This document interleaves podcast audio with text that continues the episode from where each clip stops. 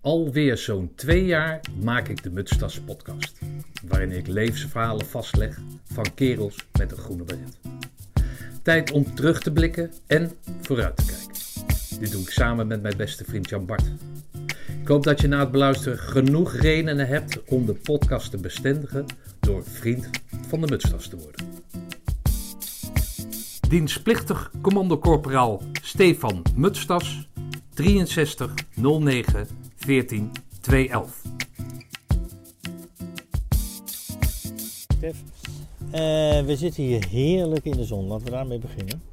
Maar twee jaar geleden zaten we hier zo aan het begin van de corona ook. Eh, ben je begonnen, ja, eigenlijk als een soort gebbetje, was mijn gevoel. Met, ik ga, vind die podcast leuk, ik ga zelf ook eh, dingen opnemen. Nou ja, inmiddels heb je zo'n 80 van je maten, eh, collega-commando's uit het KCT geïnterviewd. Het heeft een enorme sprong genomen. Ja, nou, het begon met de maten, mijn maten uit het, eh, uit het eh, peloton. Wat hebben die kerels nou de afgelopen 40 jaar, ondanks elkaar één keer in de vijf jaar zien, warme gevoelens oproepend. Maar wat hebben die kerels in die 40 jaar eh, beleefd? Op zo'n reunie waar veel, wat gepaard gaat met veel drank en sterke verhalen, kom je toch niet tot de kern. En eh, daarmee ben ik begonnen. En eh, toen dat een beetje opdroogde, omdat het niet iedereen elke dag in de Telegraaf wil staan, eh, ben ik op zoek gegaan naar, naar, ah, naar andere mensen. Want dat vind ik zo opmerkelijk dat je met mannen waarmee je opgeleid bent, bij wijze van spreken nog kan bellen en zeggen: hey, mag ik jou eens interviewen? Dat, nou ja, daar ben je dichtbij.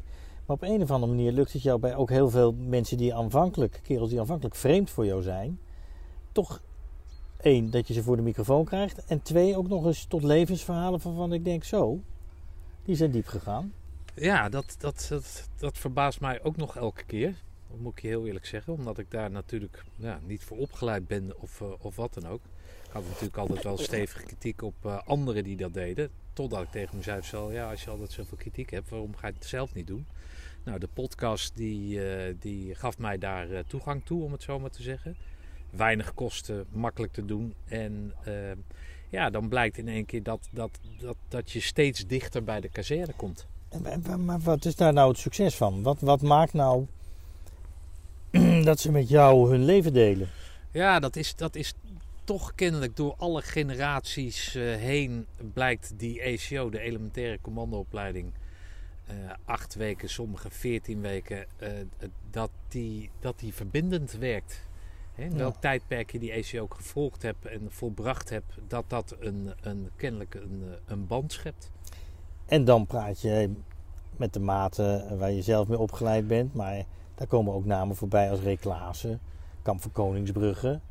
Ehm, op een of andere manier krijg je ze allemaal eh, voor de microfoon. Ja, het blijkt dat, dat, dat nou, ieder heeft zijn levensverhaal, groene beret of geen groene beret. Eh, maar dat die groene beretten, dat verbindende van die ECO, eh, dat daar, nou laat ik het zo zeggen, bij al die kerels waar ik ben geweest, klikte het vanaf moment één. En dan kan je dat naar jezelf toeschuiven, je kan dat naar, naar weet ik veel, maar ik schuif het maar op die ECO. Ja. En dan is het zo mooi dat de kerels waar ik mee opgeleid ben, of niet ken en die tientallen jaren daarvoor zijn opgeleid, dat die dezelfde kernwaarden aanhangen, dezelfde drive hebben als die kerels die kort geleden de ECO eh, hebben mogen voltooien. En maakt het dan voor jou uit dat je met mensen in gesprek bent waarvan je zegt, nou die hebben door wat dan ook, zijn een soort BN'er geworden. Ehm, en een andere zijn dat natuurlijk niet. Nou ja, goed, eh, ik heb niet heel veel ontzag voor mensen, maar, maar ja, een is natuurlijk altijd wel apart. En dat is natuurlijk gelinkt aan dat eh, kamp van Koningsbrugge. Maar eh, op een of andere manier is die ECO dus, dus maakt niet uit. Hè? Dat, dat Ja. maakt dat het niet uitmaakt. Nee, want het, het klinkt voor mij, als ik jou hoor praten over dat KCT, eh, ieder levensverhaal, iedereen die daar aan meegedaan heeft, is voor jou even, eh, daar zitten geen rangen en standen in waar het gaat om hun levensverhalen. En, en hoe mooi dat kan zijn, of hoe verdrietig, of Nou, ik heb de, bijvoorbeeld eh, Jaap Constance mogen, mogen interviewen, oud korpscommandant, oud Korea-veteraan, prachtige kerel. Eh, dat is de oudste, die is 95. En ik heb gisteren toevallig eh Di Carter van Kamp van Koningsbrug mogen interviewen, dat is de jongste, 32. En alles wat daartussen zit, Ja. daar blijk ik, nou daar blijkt die Mutstas podcast dus eh, aantrekkelijk voor te zijn om hun levensverhaal te delen. Als ik het zo hoor, dan denk ik dat is aantrekkelijk voor de mensen zelf, hè, die daar eh, in opgeleid zijn en nou ja, dat gevoel van die groene baret met elkaar delen, of die ECO zoals je zegt. Maar ik denk ook dat het voor Defensie bijvoorbeeld interessant kan zijn om naar die verhalen te luisteren. Om te luisteren naar die motivatie en die, ja, eh, de dingen die mensen daarvan leren en meenemen voor de rest van hun leven.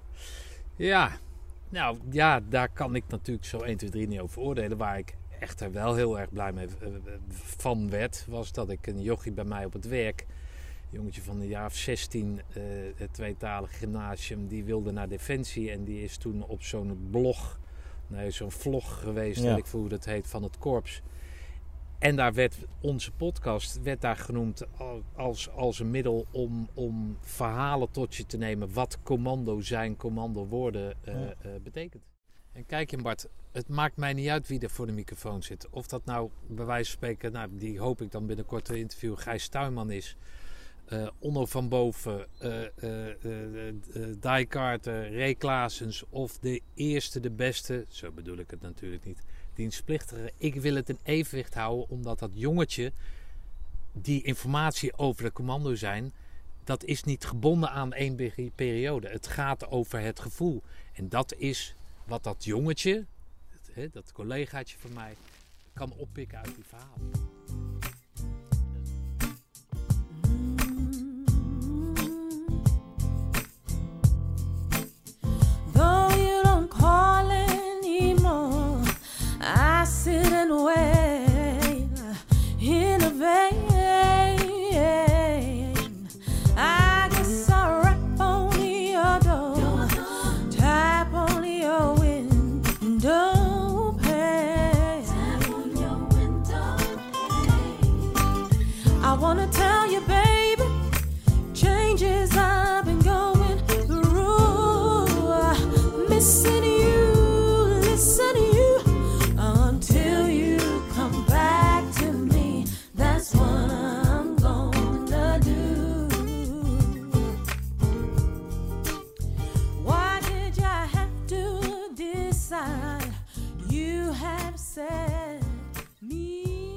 Even naar een hele andere kant van, van die zaak, Stefan. Want het maken van die podcast, dat zijn er zo'n 80 geweest. ehm, ja, dat kost natuurlijk ook wat. Ehm, eh, en er zijn heel veel mensen in betrokken. Hoe ziet dat er een beetje uit?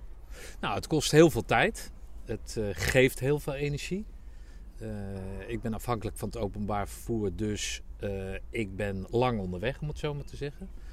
Eh, wat ik wel leuk vind, hè, omdat ik dan de weg naar, naar zo'n woonplaats van zo'n kerel eh, ervaar.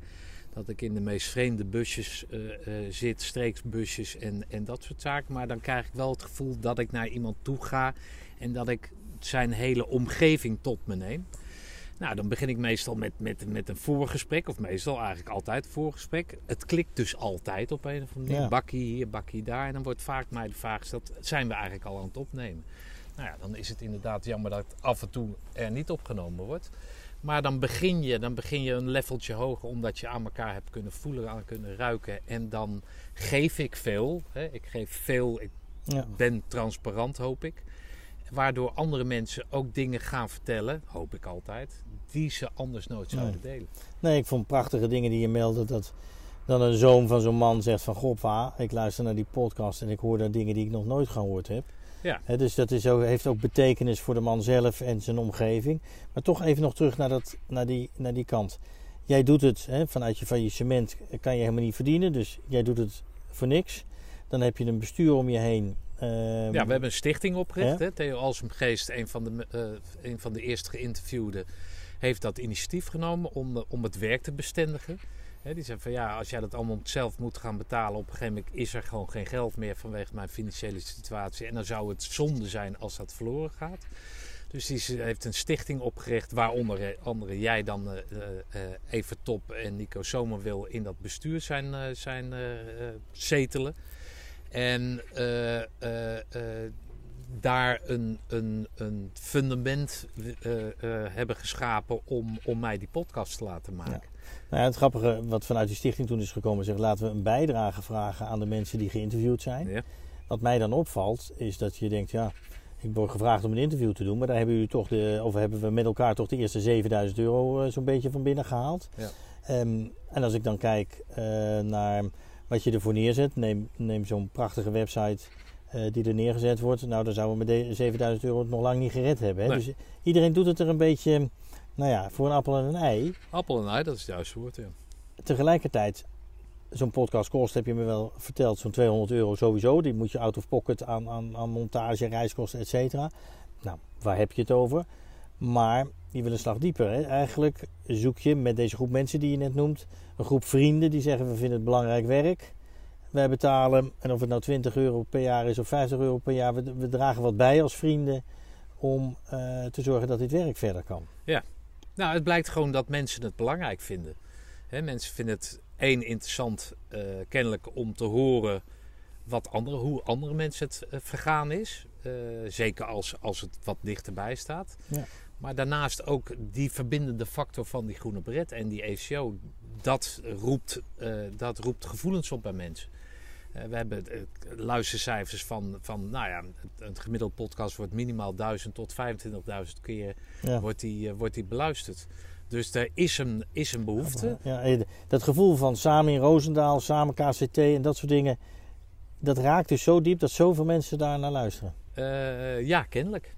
Ja, en we weten natuurlijk niet, eh, die luistercijfers, die, ja, die kunnen we niet zo doorgronden dat we zien of iemand een bepaalde leeftijd heeft of dat die groene beret dragend is eh, of niet. Maar het blijkt dus aan te slaan. Daarmee verder zou het fantastisch zijn als mensen zo'n donatie willen doen. Eh, misschien één keer. Dat kan ook straks als ze dit geluisterd hebben. ehm, kan je dat gewoon via die site. gaat dat prima lukken. Ik zit nog even te denken met welk gevoel. Hè, van, eh, ik denk de meeste mensen onder ons, als je het kan missen, wil je best iets bijdragen. Waarom zou je moeten bijdragen aan eh, de stichting Jouw Verhaal? Nou, omdat je het, eh, belangrijk vindt, zoals gezegd, om die, om die verhalen te, te blijvend te laten optekenen. Dat als je bekende Nederlander bent, dan word je vaker geïnterviewd en dan, dan bereik je een groot publiek. 9 van de 10 mensen die ik eh, interview, die zijn nog nooit geïnterviewd. Die hebben nog Nee. nooit uiting ge- kunnen geven aan de waarden en normen die zij in de Roosendaal hebben opgedaan. Of wat hun, hè, de delen met anderen, wat er in hun leven, eh, eh, ja, hoe hun leven zich voltrokken heeft. Ehm, en dan blijkt ook heel vaak dat, of eigenlijk altijd, dat het heel waardevol Ja. wordt geacht door, door eh, derde of derde, naasten. Dat, dat er vaak gezegd wordt, nou ik heb aan mijn zoon heb ik het laten, laten luisteren. En die heeft tegen mij gezegd van jeetje, pa, dat je dat eigenlijk nooit verteld hebt. Nee. Maar wanneer krijg je als, als normaal figuur zoals ik nou de kans om, om, Om dat eens jouw verhaal te te vertellen? hè? En, en, en daar zit eigenlijk ook wel iets bijzonders, want jij interviewt ook veel oudere mensen. En ouderen die zijn op een leeftijd dat ze er bij wijze van spreken de kans lopen er volgend jaar gewoon niet meer te zijn. Ehm, er zit ook wel een druk op om juist ook daar de verhalen nog te halen. Hè? Die, ehm, ja, die bijzondere verhalen en na te laten aan hun ki- kinderen en kleinkinderen. Nou ja, het grootste compliment is eigenlijk altijd als ik mensen benader. Dat is iets hebben, ja, maar wat heb ik nou te vertellen? Ja, Weet je wel? ja. En dan blijkt in één keer uit dat interview dat mensen dus gaan vertellen zoals ze dat eigenlijk nooit gedaan hebben. Dat dan bijvoorbeeld, nou, we al, al eerder genoemd, maar aan hun naaste eh, laten horen. En dat die naaste dus Ja. een signaal afgeven of aan, aan de geïnterviewde zegt: Jeetje, joh, Ja. dat, je, dat, je, nou, nou, ja, dat je me dat nooit verteld hebt. Maar wanneer, Jan Bart, heb je nou ooit in je leven de gelegenheid om, dingen te vertellen? Ga zitten en ik ga jou Nee. vertellen. Ja, mijn zoon zou gapend in slaap vallen. Hm. En, en, maar zo'n podcast blijkt dus toch een middel te zijn om dat tot je te nemen.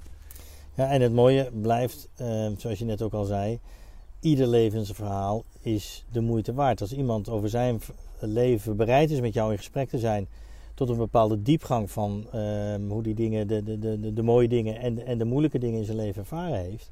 En dan is het, of je nou Piet heet of eh, eh, de, nou ja, de BN'er bent, voor jou zijn ze allemaal evenveel waard.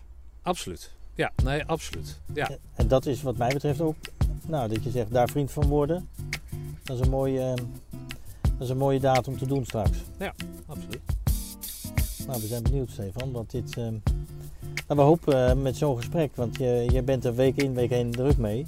En omdat dat, dat hou je heus nog wel even vol, maar om dat echt goed te continueren, als je ook al gezegd hebt, technisch nog wat, wat steviger in het zadel te komen, is een extra steun in de rug van al die vrienden.